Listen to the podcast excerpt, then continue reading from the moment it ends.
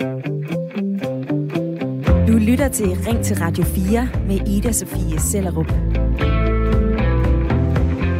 Hvor vi i dag gør plads til en debat, hvor vi skal justere vores eget moralske kompas og diskutere, hvilke historier vi medier bringer, og hvilket formål det egentlig tjener. For den seneste uge har ubådssagen fyldt i medierne igen. I onsdags, der var det fem år siden, at drabet på den svenske journalist Kim Wall fandt sted. En drabsag, der trak overskrifter med mobile detaljer, der hver dag blev fortalt, og en historie, som ikke kun blev fuldt af os her i Danmark, men over hele verden. Jeg husker selv artikler med øh, overskrifter som Peter Massens forklaring, kolon, sådan døde Kim Wall, bragt af Ekstrabladet. Berlingske skrev anklager om Kim Wall, kolon, hun har været udsat for makaber partering med sav. Og jeg fandt den her fra TV2 Løje. Politi, kolon, arm blev holdt nede af strips og rørstykke. Der var en massiv dækning i dagene efter drabet og i ugerne og månederne derefter. Ifølge Kim Wals mor, så viste en opgørelse fra 2018, at der er blevet skrevet over 69.000 artikler om drabet på Kim Wall, bragt af danske og internationale medier. Og nu, her fem år efter, så retter Kim Wals kæreste Ole Stoppe en skarp kritik. Han mener nemlig, at mediedækningen gik alt, alt for langt. Det fortæller han i DR's nyhedspodcast Genstart. Og Anna Ingrich, vært på Genstart, forholder ham til spørgsmålet, om medierne så ikke skal dække mobile og meningsløse drabsager. Har vi ikke brug for at tale om de her ting? Og til det spørgsmål, så svarer Ole Stoppe sådan her. Det er fuldstændig rigtigt, at vi skal kunne tale om det. Og der er også noget absolut sandt i, at den menneskelige tilstand, som også nogle gange er meningsløs, også kan være vigtig at få fortalt. Men de skulle have kommet til et punkt tidligere i det allermindste, hvor de stillede sig selv nogle kritiske spørgsmål om, hvor længe er det her nyhedsværdi, og hvornår er vi kommet til et tidspunkt, hvor ordene bare er så gigantisk store, at vi kan lave en ny overskrift nærmest på ingen nye nyheder. Fortæller Ole Stoppe i Genstart. Og den her kritik af medierne, den vækker genlyd, blandt andet på Twitter, hvor journalist Sandy West, der selv mistede sin søster og efterfølgende så medierne dække den drabsdag, har skrevet det her. Kim Wahl er det grældeste eksempel på klubske medier herhjemme, uden tvivl. Men generelt så har flere danske medier selvrensagelse til gode. Der er mange pårørende gennem årene, som har stået tilbage og har blevet fuldstændig kørt over. Den her debat mener jeg er vigtig at tage, og jeg synes, det er vigtigt at diskutere det, og derfor så vil jeg gerne høre fra dig, som lytter med her til formiddag. Er det okay at dække krimisager, morsager, så intenst? Eller mener du, at vi alle sammen, og også medier inklusiv, skal pakke vores nysgerrighed væk? Ring ind med din mening på telefon 72 30 44 44, eller skriv en sms til mig og send den afsted til 14 24. Dorte Elsebeth Larsen, 54 år og med fra øh, Solrød Strand. Godmorgen.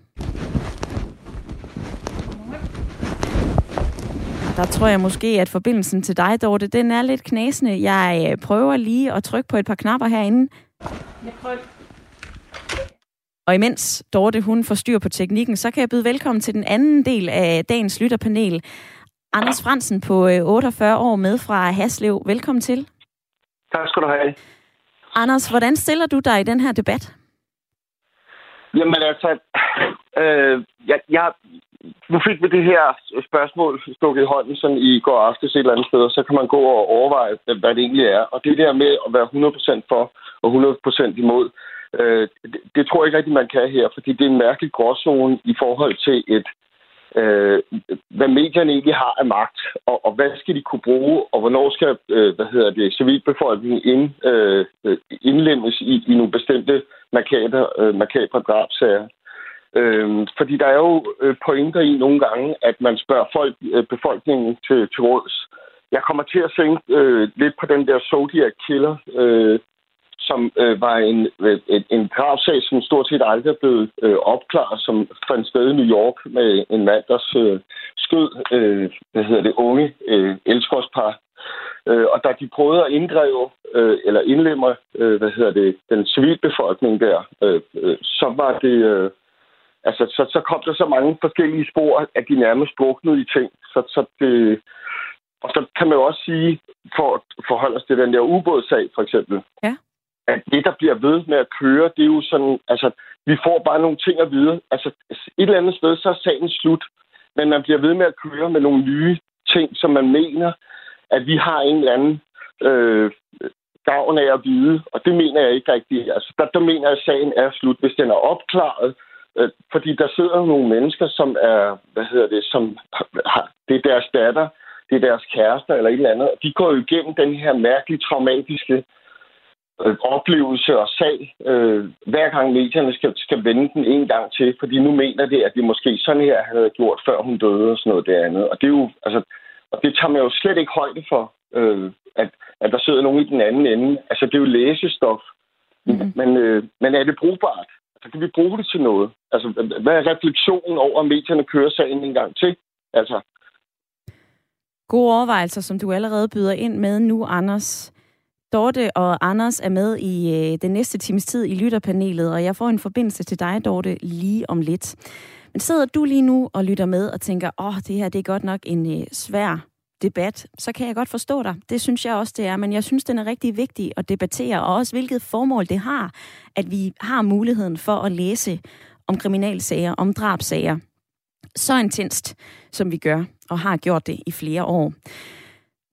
Er det okay? Kan man retfærdiggøre det her? Eller skal vi pakke vores nysgerrighed væk? Det er dagens debatspørgsmål, og ring ind til mig på 72 30 44 44, eller send mig en sms ved at ringe eller skrive ind til 14 24.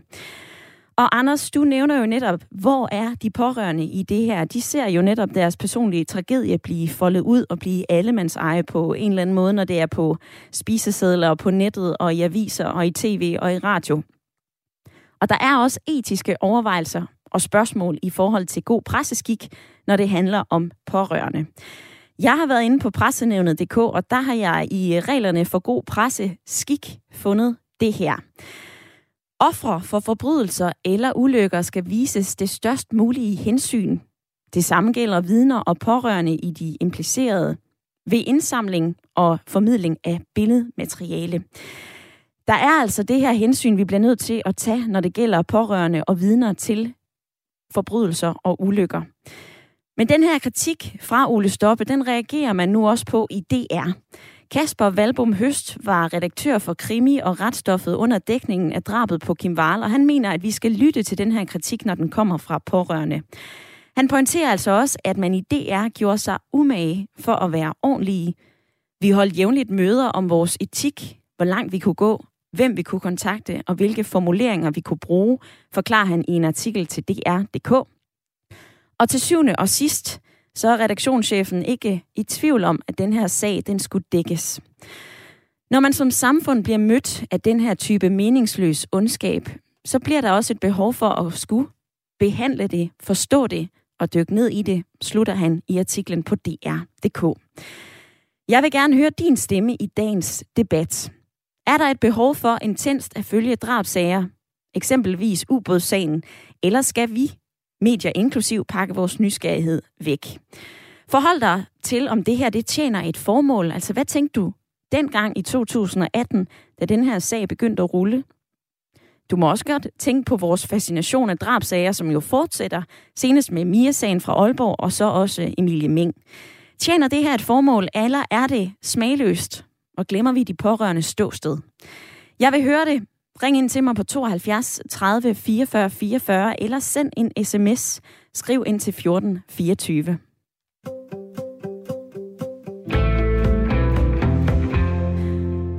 Hej Ida. Jeg er langt hen ad vejen meget enig med Kim Wahls kæreste. Selvfølgelig skal det da belyses og omtales i medierne, men der skal medierne også lære at stoppe, mens lejen er god. At rapportere et mor med alt, hvad det indebærer, det er en nødvendighed – men at trække det i langdrag over flere uger, det er altså ikke i orden, skriver Bjarke fra Ulfborg ind på sms'en. Og så skriver Susi, dit spørgsmål er meget sort og hvidt. Efter min mening, så er medierne helt klart gået over stregen i Kim Wahl-sagen Og det gør medierne generelt. Men jeg synes, det må være de involverede, der sætter grænsen, og ikke medierne eller os læsere. Så snart nyheden er belyst, og der ikke kommer mere revolutionerende nyt, ja, så bør der altså ikke koges mere suppe på den historie, skriver Susi. Anders i lytterpanelet, hvad siger du til de her to sms'er, der lige er tikket ind? Jamen, jeg er helt enig. Altså, jeg er helt enig. Men, men at, og det er jo det der, der er sådan lidt, fordi ja, ja du opstiller, altså kan sige, man opstiller lidt sort og hvidt. Altså, jeg kommer til at tænke lidt på, at vi kan have den der ubådssag i den ene ende, ikke? Som, som er et eller andet med, at det bliver ved med at køre. Hvordan er, hvordan er livet parteret? Hvad skete der i de sidste minutter? Og det er, sådan, det er overskriften også. Altså, der er jo et økonomisk ting i, at avisen har en økonomisk, øh, hvad hedder det, øh, altså baggrund også for at, at, at gentrykke sådan en sag også. Fordi det, det er noget, der sælger. Ikke? Øh, især når det er så makabert. Og man kan jo sige, det er jo også et fingerpeg i, hvordan et samfund har det. Jo mere du kører suppe på en ting og en drabsag, som er så makaber, jo mindre forekommer det oftest i samfundet. Man kan se i, øh, i New York, for eksempel øh, i South End, øh, øh, New York, øh, øh, hvad hedder det, øh, for, for 10-20 år tilbage, der skrev man slet ikke om morsager, stort set ikke. Det var meget, meget små rubrikker, for det forekom så tit. Så det kan også være et sundhedstegn på, at, at man er interesseret i noget, som er så langt fra ens hverdag. Når det så er sagt, så er det også noget med, at hvad, hvad får vi ud af at få den her oplysning om de her ting? Hvad er det, vi sidder med tilbage om aftenen? Hvad er det for en angst? Jeg kan huske, at min mormor altid havde læst et eller andet i familiejournalen, og så måtte vi ikke det ene, og så måtte vi ikke det andet, fordi der stod nok en mand. Og et eller andet sted, så, så er det jo også noget, der bare putter på vores angst af en eller anden mand, som er helt ekstrem øh, syg, at vi gennemgår hans måde at, at fortælle et eller andet menneske på, eller hvordan han, hans livssyn er, og han er jo helt glad, når han er med i medierne en gang til, og elsker at komme ud og fortælle en ny historie, og man går med ham på stranden eller et eller andet, fordi nu skal man finde nye ting, og i virkeligheden så går det bare på, at han vil ses igen. Manden er syg, og hvad får vi ud af det? Altså, er det så diagnosen, vi begynder at dyrke her, eller er det bare en sag for sagens skyld i forhold til, hvor meget blod kan vi putte på? Fordi så er der penge i det i sidste ende, og så er vi henne et forkert sted.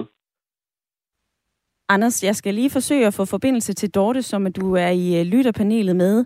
Dorte, nu tror jeg, du kan høre, hvad øh, Anders og jeg taler om lige nu.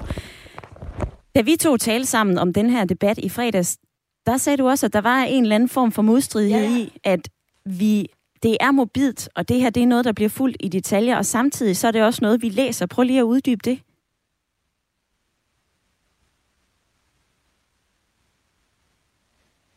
Øh, jamen, det er jo det her, ligesom øh, man sluger også øh, film og tv-serier råt med alle mulige makabre ting, og pludselig er det en, i en virkelighed. Ikke? Jeg tror, jeg tror mennesket er sådan, at, at, øh, at man ligesom, øh, øh, hvis det så sker noget i, i vores virkelighed og ikke på film, øh, så bliver man også øh, som menneske lidt sensationslysten og ønsker også at følge med i det. Øh, og, det øh, og det er jo det, som medierne så også fodrer os med, når der endelig kommer en så makaber historie som det der. Ikke?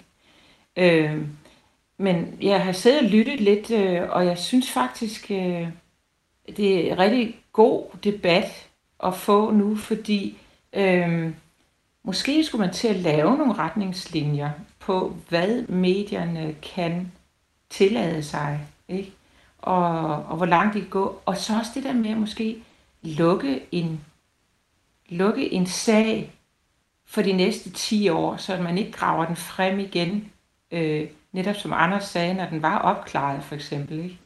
Øh, så der er en hel masse ting, jeg sådan sidder og funderer over, mens jeg hører de her ting. Øh, jeg tror også, som, som vi mennesker, vi bliver fuldstændig fodret med angst og frygt øh, for alt muligt. Øh, sådan en sag der, men alle mulige ting i medierne hele tiden. Og det der med at lære som mennesker at dosere i, hvad vi skal lukke ned for og, og sådan noget. Altså, da den kørte, den sag, der var det jo 24-7 i ugevis nærmest, ikke? Ja. Øhm, og, det, øh, og, det orker man jo ikke til sidst. Altså, i starten er det jo et eller andet øh, sensationsnyhedsnød, men, men til sidst så, øh, ville det være så fint, hvis det var sådan, at, øh, at medierne også kunne altså lige lukke lidt mere ned for det. Ikke? Øh, men det ved jeg godt, det er svært at styre. Øh, og, og man skal jo også have en nyhedsstrøm. Øh, men der er jo mange medier, bare i lille Danmark, øh, af forskellige slags. Nu nævnte du selv DR, øh, som jo skulle gå for en lødig øh, nyhedstjeneste, ikke? hvor så har vi ekstrabladet, ikke? og dem kan man jo ikke styre. altså, der er jo rigtig mange medier, der har skrevet også om det. Ikke? Det er jo netop øh, det, flere forskellige typer medier, som har dækket den her historie, Dorte. Præcis, ikke? Ja. Dorte, du nævner også den her nysgerrighed, som jo også driver os til at dels at følge med i en nyhedsstrøm, som kører, men også at dykke ned i de sager, som måske har mere fascination og sensation end reel aktualitet eller identifikation, som er nogle af de her nyhedskriterier, jeg står og optræder, øh, optrævler lige nu. Lige nu, der lytter du til Ring til Radio 4, dit samtale- og debatprogram. Og i dag, så stiller jeg spørgsmålet, om det er smagløs fascination eller nødvendig oplysning, når medierne dækker drabsager intenst. Eksempelvis ubådssagen om drabet på Kim Wahl. Jeg ved godt, at det her det er en stor debat, og der er også nogen, der skriver ind, at det her det er meget sort-hvidt. Det ved jeg godt. Men, og jeg ved også, at der er nuancer, men jeg vil alligevel invitere dig med ind i debatten med din holdning og dit perspektiv på det, vi taler om. 72 30 44 44 eller en sms til 14 24. Og nu skal vi til Skovlunde og tale med dig, Erik. Velkommen til. Ja, mange tak. Erik, du øh, har ringet ind, fordi at øh, du synes, vores nysgerrighed den er for stor. Nej, det har jeg ikke sagt. Jeg siger, at den, øh, den er stor, og, og det mener jeg også, at man kan trække øh, historiske beviser for øh, når der sker sådan nogle dramatiske ting, for eksempel med Kim Valle, så er befolkningens øh, nysgerrighed, den er, den er umættelig. Den vil, den, vil, hvad hedder det, den vil bare have noget at vide hele tiden. Og øh, de medier, der serverer de nyheder, de bliver læst og set, og dem, der ikke serverer de nyheder, de bliver ikke set eller læst. Så i sidste ende, så handler det også om lyttertal. Og vi kan ikke få nok, når der sker sådan noget. Øh, jeg ved ikke, hvad, og, og så kan man så synes, at det er for dårligt af os, eller det ikke er for dårligt. Den, den vurdering vil jeg ikke lave. Men jeg ved bare, at det er sådan, vi gør. Øh, sker der en ulykke ude på motorvejen, så er der lige pludselig 10 km lange kiggekør. Mm. Øh, det er bare en konstatering. Og det synes jeg er en god konstatering at få med i øh, dagens program, Erik. Hvad gjorde du selv på det tidspunkt tilbage i øh, 2017 og 18, da den her sag den øh, for alvor fik meget medieomtale? Jamen, jeg, jeg var også, øh, jeg lyttede, og så tænkte jeg, næste gang der kommer et eller andet, så vil jeg også gerne lytte med og se, hvad de nu har fundet ud af. Har de fundet hovedet, og hvordan har det Øhm, ja, jeg var ligesom alle andre. Og Erik, det øh, tror jeg, der er rigtig mange andre, som også var, inklusiv mig selv. Altså det her, det var jo netop nogle historier, som øh, vi læste, og så måske bagefter efterrationaliseret lidt mere tænkt, hvad er det egentlig for et formål, det tjener? Erik, tak fordi, at du ringede ind på 72 30 44 44, og Anne, øh, Annette, hun har skrevet ind, hun skriver Radio 4, Medier vil mere og mere strides om seer og læsernes gunst. Stadig styrer man efter usel mammon, så længe folk slet ikke kan få nok af gro, skræk og nysgerrighed, ja, så længe at der er penge i ulykker og forbrydelser, så burde seere og læsere faktisk boykotte disse frastødende udsagn og vælge de her medier fra. Ikke mindst af hensyn til offrenes nærmeste. Du kan ringe ind til mig på 72 30 44 44, eller du kan sende en øh, uh, sms til mig og forholde dig til det, vi taler om i dag. Hvordan medier dækker krimisager, morsager, et klokkeklart eksempel, det er ubådssagen. Ring ind eller send en sms.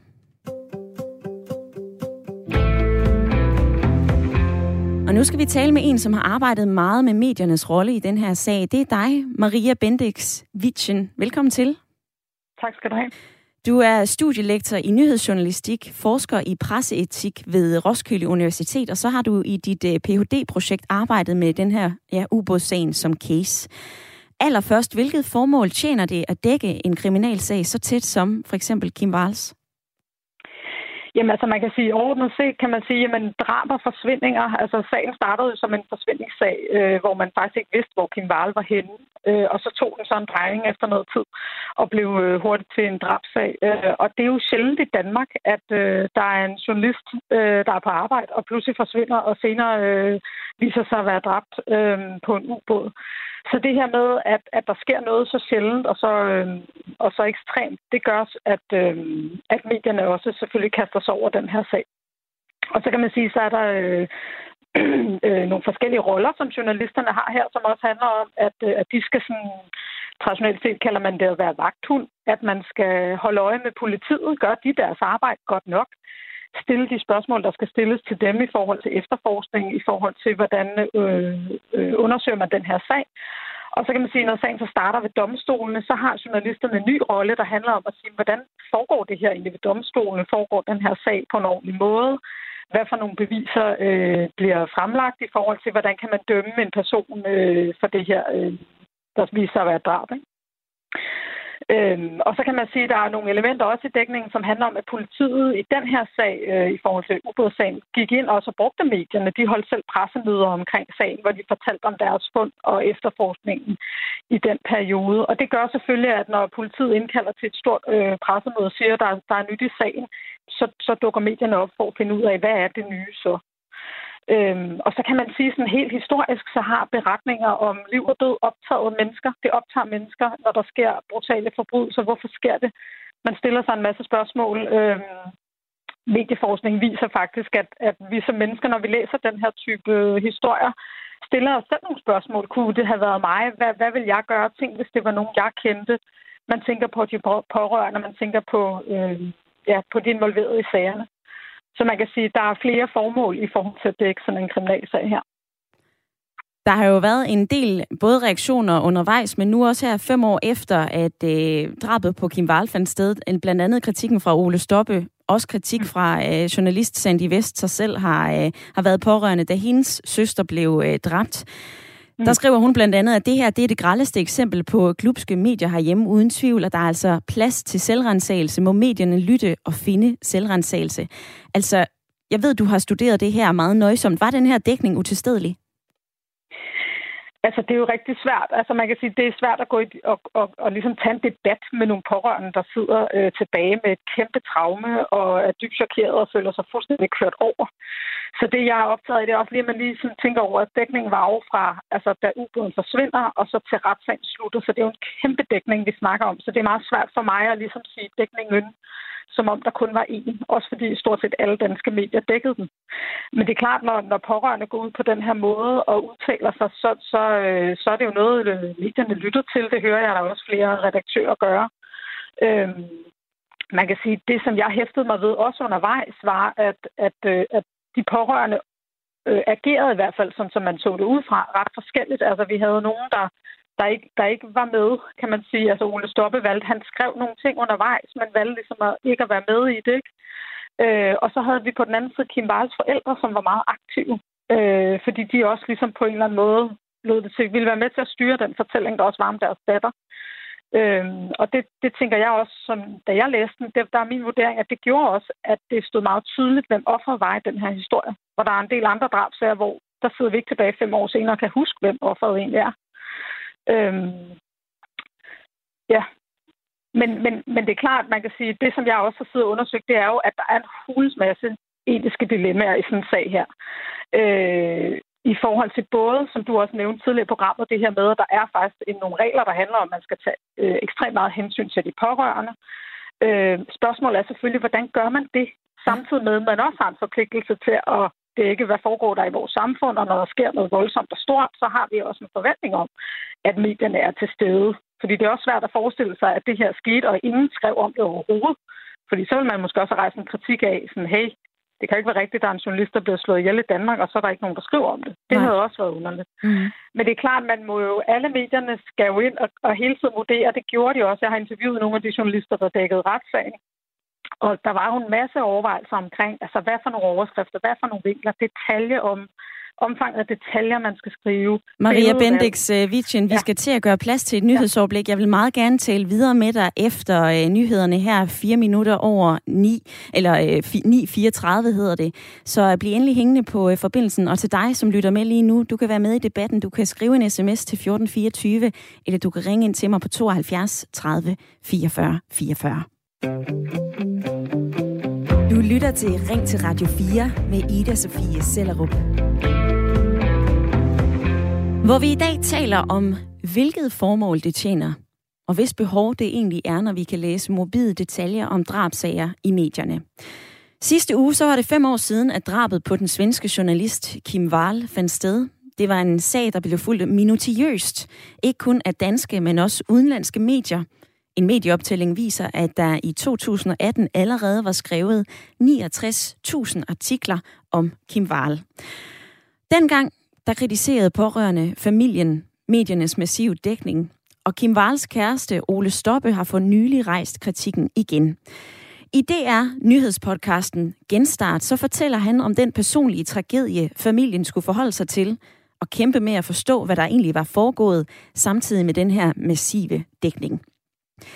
Kim Valdækningen, den kræver et efterrationale, som flere medier også gjorde sig og gør sig nu.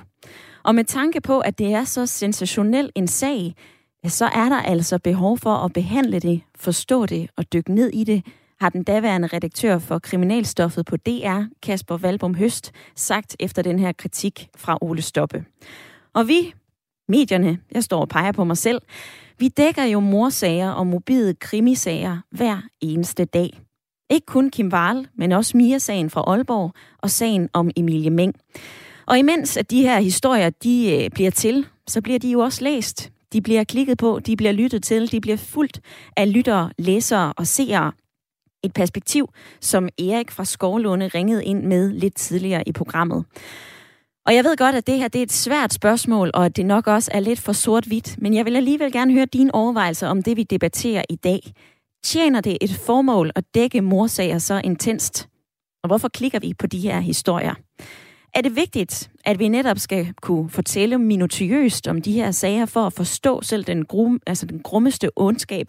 Eller er det smagløst, og glemmer vi de pårørende i det her? Du kan ringe ind til mig på 72 30 44 44, eller du kan sende mig en sms. Skriv ind til 14 24. Og det har Susi gjort. Hun har skrevet, at man bør måske som journalist og medieudgiver stille sig det spørgsmål, hvis den nyhed, jeg skulle dække, skete for mig selv og min familie. Hvordan vil jeg så ønske at se den nyhed, og hvor længe? Med på telefon, der har jeg stadigvæk Maria Bendix Witchen. Velkommen tilbage. Tak skal du have. Studielektor i nyhedsjournalistik, forsker i presseetik ved Roskilde Universitet, og så har du i dit Ph.D.-projekt arbejdet med ubådssagen som case. Mm. Maria, lige før at vi øh, sagde på gensyn til hinanden over nyhederne, der sagde du netop, at du havde interviewet flere af de her journalister, som dækkede sagen. Kan du, prøve, kan du prøve at uddybe det også i forhold til det, som Susi skriver ind? Altså hvis det var mig, der skulle dække sagen, og min familie det skete for, hvordan vil jeg så ønske at se den nyhed? Var det noget, du spurgte journalisterne om? Nej, ikke så specifikt, øh, men det der, er et, det der er et interessant spørgsmål. Altså man kan sige, det som journalisterne laver rigtig på, det er, at de, de går også på arbejde for at gøre et ordentligt stykke arbejde. Øh, og, øh, og de har de her presseetiske retningslinjer, de også skal følge, og det handler både om at tage hensyn, men det handler også om at beskrive, hvad foregår der i vores samfund, have styr på fakta, øh, øh, tage hensyn også til for eksempel de tiltalte. Altså i den, i den her sammenhæng var der også debat omkring, øh, forhåndsdømmer man Peter Madsen? Altså siger man sådan set til læserne, at han er, han er en morder, inden han er blevet dømt for drab øh, at det er nogle dilemmaer i forhold til, hvordan skriver man om det her. Øh, og det var, øh, altså man kan sige, de journalister gjorde så en masse overvejelser omkring den, den, øh, den dækning i, i retssagen. Man kan sige, dem jeg har interviewet, de, har, de, de sad inde i byretten og dækkede retssagen den, der. Jeg har ikke interviewet folk, der dækkede øh, øh, selve efterforskningen øh, så specifikt. Og der var jo stuene fuldt ved Københavns byret, da den her sag den begyndte at, øh, at rulle. Altså, øh, selvfølgelig var der danske journalister, men øh, der Der var mindst 14 andre lande herunder Sverige, Norge, Finland, Tyskland, England, Frankrig, Holland, Schweiz. Jeg kan blive ved. Mm. Altså journalister fra hele mange, mange forskellige lande, som, øh, som dukkede op. Nu hører vi mm. så den her opfordring til, at medierne skal skrue ned. Hvad er dit perspektiv? Jamen altså, mit perspektiv vil være, at medierne skal som altid gøre sig en masse overvejelser. Altså, hvorfor dækker man det? Hvorfor er det relevant? Hvad har det som i ser så formål? Øh, men selvfølgelig også tænk på mediebrugerne. Altså, det, jeg hører også, der, der er flere, der siger, at der er en masse klik i det. Man kan sige, det gør i sig selv jo heller ikke noget, at, at folk vil læse det, man skriver, øh, og det er medierne selvfølgelig også, også optaget af. Men det er klart, der er jo en balance mellem hvornår kommer det på en eller anden måde over og bliver irrelevant underholdning, hvor man ligesom øh, skriver øh, om noget, der er en ekstrem tragedie og meget voldsomt, øh, men får det til at lyde, som om det nærmest er øh, underholdning. Altså, jeg læser det her, fordi det er spændende, og kun fordi det er lidt spændende, men ikke fordi det er relevant. Øhm, og så kan man sige, at udfordringen i den her særlige sag var, altså den var lidt atypisk i forhold til blandt andet, at den tiltalte, altså Peter Madsen, var jo kendt i forvejen. Så han var ligesom allerede kategoriseret i en eller anden form for sådan en underholdningskategori, fordi man havde set hans ubåd under vandet, der har været lavet masser af dokumentar om ham og sådan noget. Og der skulle der ligesom ske et skifte fra, at man lige skulle opdage jo, at han altså, ikke bare havde mistet sin ubåd, men faktisk nu også var tiltalt. Øh, og det her med også, at vi havde et offer, som var, altså der var billeder af hende, vi fik meget hurtigt præsenteret, hvem hun var, øh, som også gjorde, at den fik rigtig meget øh, play, kan man sige. Altså, øh, fordi det også var to sådan meget karakteristiske personer. Øhm, og så kan man sige, sammenlignet med andre sager, altså, øh, der kører ved retten, så var det jo sådan, altså forstå mig ret, men en enkelt sag, altså to mennesker, en ubåd, der er en, der er blevet slået ihjel. Der var kun to mennesker nede i den båd.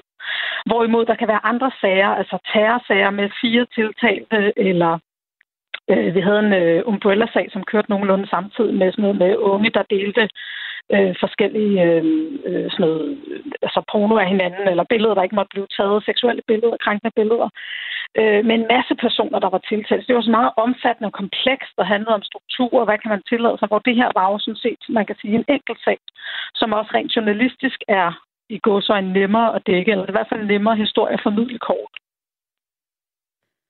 Maria Bendix Vitchen, jeg har så mange flere spørgsmål, jeg vil ønske, jeg kunne stille dig, men tiden den er mm. ved at løbe ud, så jeg vil sige... Må jeg bare lige tilføje en aller sidste ting? Det må du gerne. Helt kort. Det, der også var lidt særligt det her, samt i den her drabsag, det var, at motivet fra starten var uklart. Alle stillede sig selv det spørgsmål, hvorfor?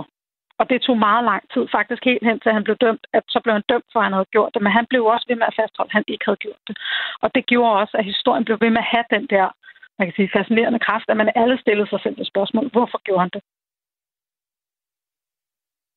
Tak for øh, dine perspektiver, Maria Bendix Vitchen, studielektor i øh, nyhedsjournalistik og øh, forsker i presseetik ved Roskilde Universitet. Det var en fornøjelse at tale med dig.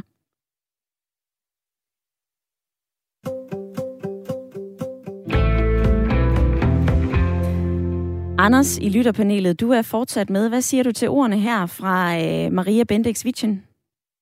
Jamen altså, jeg hæfter mig med nogle bestemte ting. Jeg hæfter mig ved presseetik. Jeg kommer til at tænke på objektivitet. Øh, hvor skal vi hen? Ledende historier. Øh, en, en historie i det hele taget. Pressen har en tendens til at skulle præsentere en historie for os med det samme. Øh, men hvad det ind, øh, indebærer, om det så er sandt eller ej, og så laver vi om på det igen næste dag. Jeg mener, det er altså den der presseetiske ting, som også skal gå hånd i hånd med, at en avis skal tjene penge, eller at medier skal tjene penge. Og det er der, vi har nogle problematikker. Jeg kommer også til at tænke på Anders Breivik-sagen, som havde, øh, han havde jo skrevet et manifest, og det var det, der var vigtigt for ham at få ud og få hejlet i retssagen. Øh, og, og de her ting, og, og hvad er det egentlig, der sker på yderøjer også, og sådan noget, og hvad er det, der er vigtigt for at køre videre. Jeg synes, vi skal... Altså, jeg, jeg kommer hvis jeg går helt op og objektiv, så vil jeg sige, at jeg har en forpligtelse for, til at fortælle om nazisternes udryddelse af jøderne. Det er, det er en historie, vi skal fortælle igen, øh, og den er mega grusom. Og så har vi de her små, øh, sjove historier. Ikke sjove, men, men øh, hvad hedder det, makabre historier, hvor vi øh, gerne vil have et svar, som øh, hun siger til sidst, jamen, hvad, hvad er svaret? Jamen, hvad er det for et svar, vi vil have? Altså, når vi får svaret, ja, jeg gjorde det. Men hvorfor gjorde du det? Jamen, jeg gjorde det, fordi at, jamen, hvorfor gjorde du det så? Altså, hvor langt skal vi hen? Og et eller andet sted, så er det jo vigtigt, at vi har den etik, der holder os fast ved at sige, på hør, det er ikke et behov, jeg skal vide. Øh, Erik nævnte på et tidspunkt det der med, at vi har behov for at, at stoppe op og se, når der er en ulykke. Jamen, hvad er behovet for at se, om de er okay, eller se hovedet faldet af? Øh, fordi at, og det er der, hvor vi må finde ud af, hvad, hvad er vi for nogle mennesker, hvad er det for nogle behov, vi skal have, have dækket, og hvad skal vi ikke have dækket. Lad mig lige øh, afbryde dig, Anders, og få Dorte med ind i øh, debatten. Du skal jo også have mulighed for at reagere på det, du hører her. Jamen, det, altså, jeg, jeg giver Anders ret, øh, og også Erik før, det er altså, at, øh, øh, at man måske skal kigge lidt på sig selv. Altså, hvad er det? Hvorfor har vi så meget behov for, øh, hvis det ikke sker på film, hvis det bliver i virkeligheden, det sker i stedet for, ikke?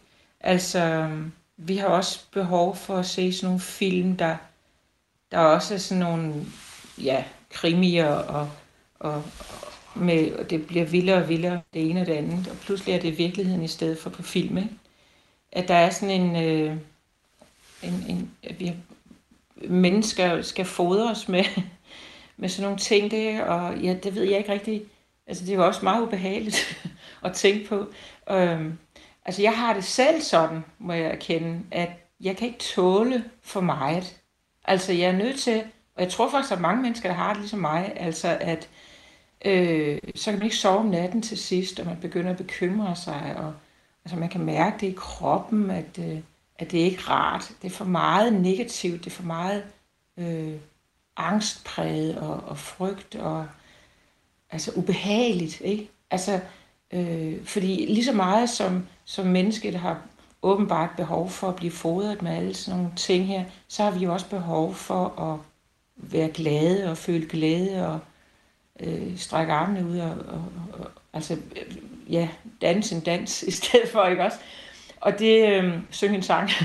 og, øh, og, og det bliver ligesom, hvis det kun er det, øh, og medierne styrer jo rigtig, rigtig meget i vores tilværelse, især efter, at der er så meget, altså den teknologiske verden, ikke?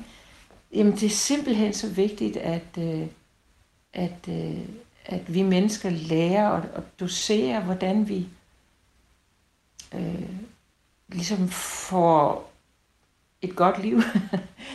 altså, jeg har været nødt til at lukke ned rigtig, rigtig mange gange for medier, uanset næsten hvad, fordi jeg, jeg, kan, ikke, jeg kan ikke tåle at få så meget af det. Nej. Altså rumme alle de historier, som øh, der bliver fortalt hver eneste dag, Dorte. Det du også lige nævner, det er noget, som øh, den næste gæst kan gøre os klogere på. Altså hvorfor det er, at vi har brug for at se de her forfærdelige ting. Hvorfor det er, at vi klikker på dem. Vi skal nemlig høre fra en øh, hjerneforsker lige om lidt.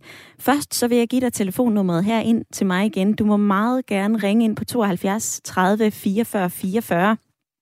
Giv mig dit perspektiv på det, vi taler om i dag. Altså er det, kan vi retfærdiggøre som medier og dække en morsag så intenst som eksempelvis ubådssagen og Kim Wahl? Eller skal vi begynde at pakke vores nysgerrighed væk? Jeg ved, at det er et øh, stort spørgsmål at kaste til værs. Du er velkommen til at byde ind med din mening og din holdning, enten ved at ringe herind. Du må også sende mig en øh, sms om til 1424.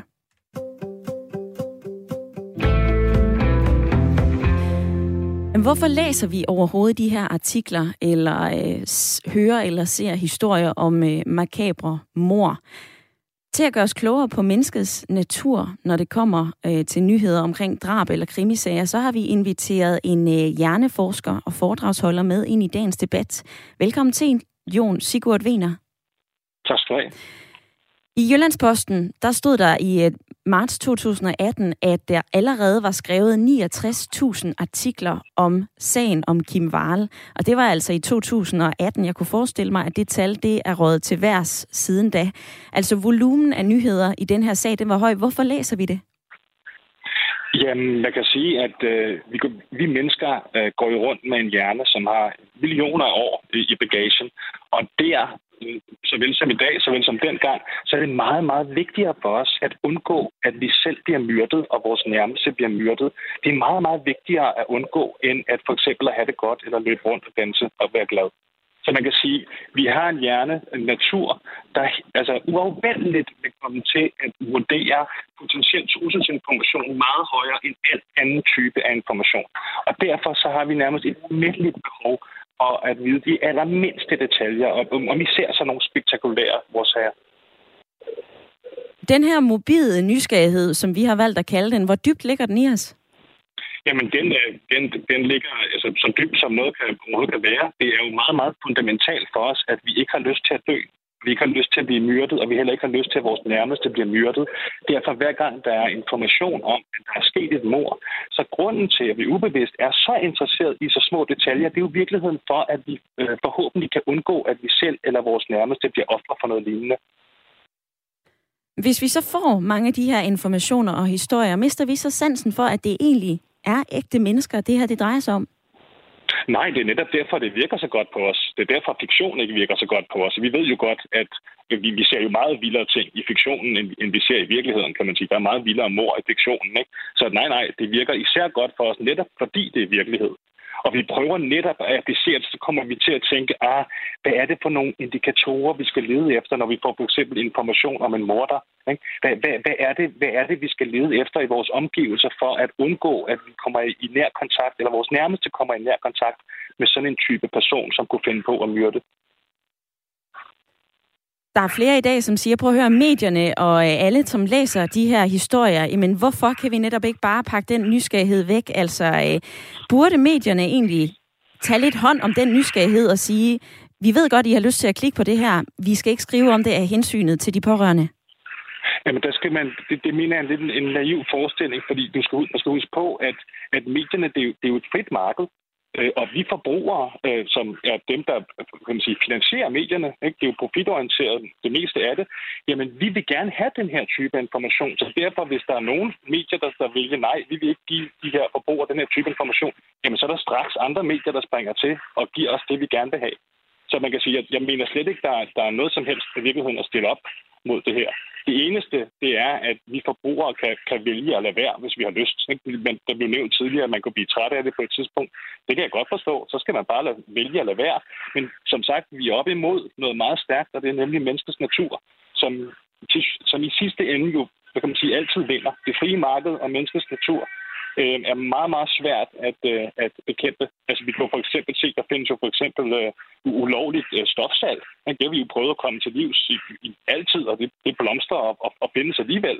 Så man kan sige, at det her med, at det frie marked altid finder en vej, det vil altså også gælde i den her sag omkring mediernes dækning. Du siger her, at der ikke er noget at gøre, altså intet overhovedet?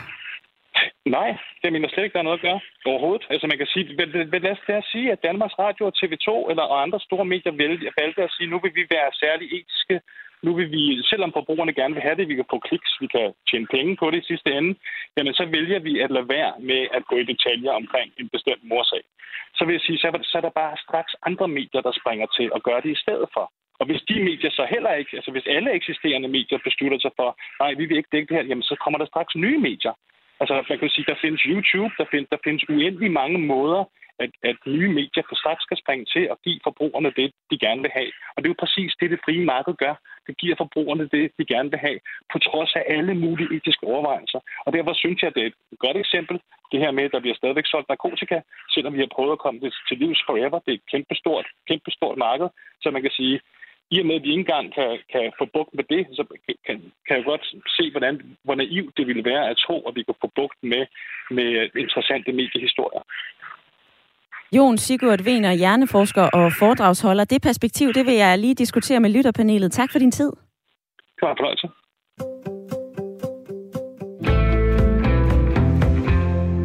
Anders, du hører det her, hjerneforskeren siger, prøv at høre, der er faktisk ikke noget at gøre. Det her, det ligger i menneskets natur at være øh, ivrig efter at læse de her detaljer. Hvad siger du til det?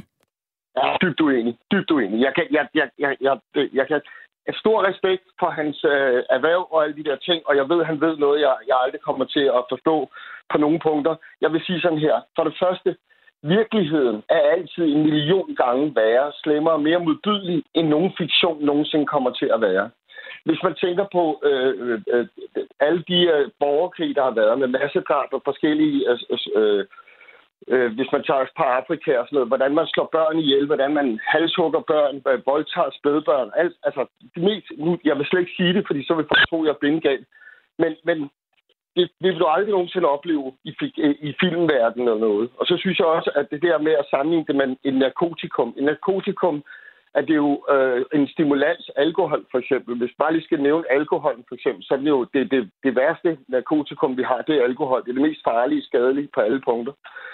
Øh, jeg, jeg mener, at, at, at det her er selvfølgelig noget, man kan komme til livs i forhold til, hvordan vi har opført os før. Hvad var, hvad var øh, normen for 100-200 år siden?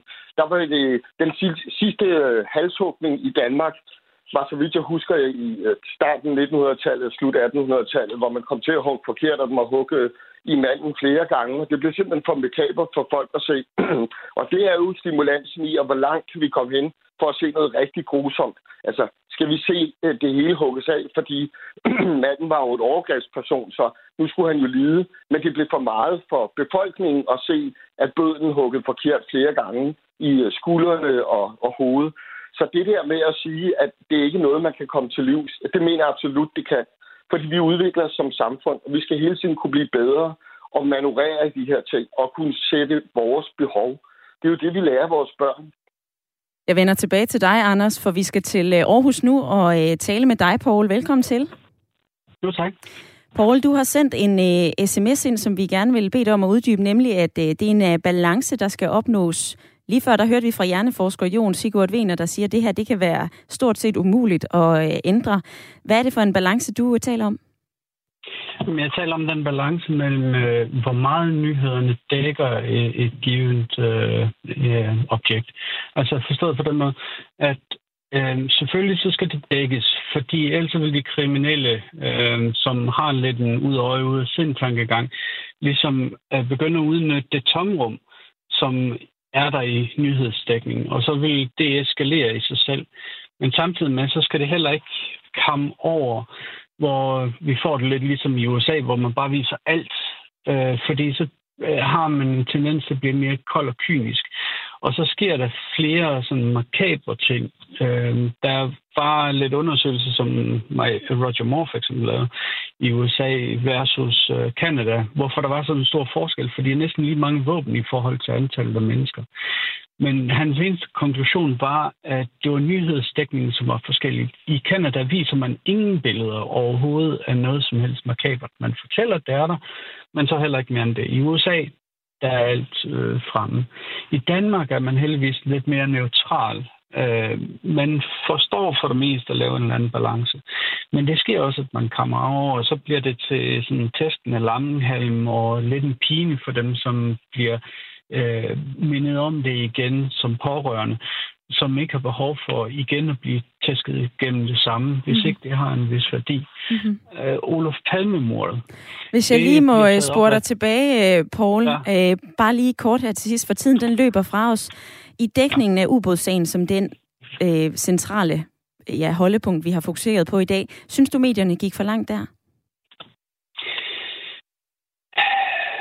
Jeg, jeg synes ikke, der er nogen grund til, at man fortsætter med, med, at, med at gå igennem lige præcis øh, den sag, fordi den er jo opklaret. Det er en side af sagen.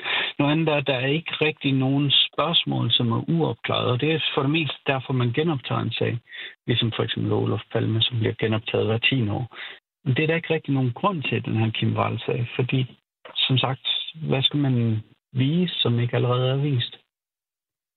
Det sidste ord fra Aarhus Paul. Tak fordi, at øh, du var med i dagens debat. Jeg vil lige nu forbi dig, Dorte, i øh, lytterpanelet. Du har lyttet til flere forskellige perspektiver de seneste 57 minutter, og jeg ved godt, at vi jo ikke engang har nået at krasse i overfladen. Det er en kæmpe debat, som øh, vi har berørt. Hvad tager du med dig hjem fra de seneste 58 minutter? Jeg tænker, at øh, det vigtigste fokus måske efter de der sager, det er de pårørende. Og det er jo så fint ham der, han kommer frem, øh, Kim Walls kæreste, fordi øh, det er måske der, vi skal tage fat. Og det er måske også der, at nyhederne øh, og nyhedsmedierne kan, kan få noget at gribe i, at, at der skal tages mere hensyn til de pårørende efterfølgende. Øh, så, så, så det tror jeg, det er det, jeg tager med mig, at øh, der er noget, man godt kan tage fat i og gøre noget ved i hvert fald. Der skal også lyde en anbefaling herfra. DR's øh, podcast Genstart har altså et netop ufatteligt nænsomt og fint interview med øh, Ole Stoppe, som Anna Ingris hun har øh, lavet. Anders, jeg kan lige nå forbi dig en kort bemærkning på en kæmpe stor debat. Hvilken pointe ja. tager du med dig hjem? Ja, presseetik, og så vil jeg sige, at øh, ytringsfrihed er altid noget, der søger grænser, og det skal de gøre.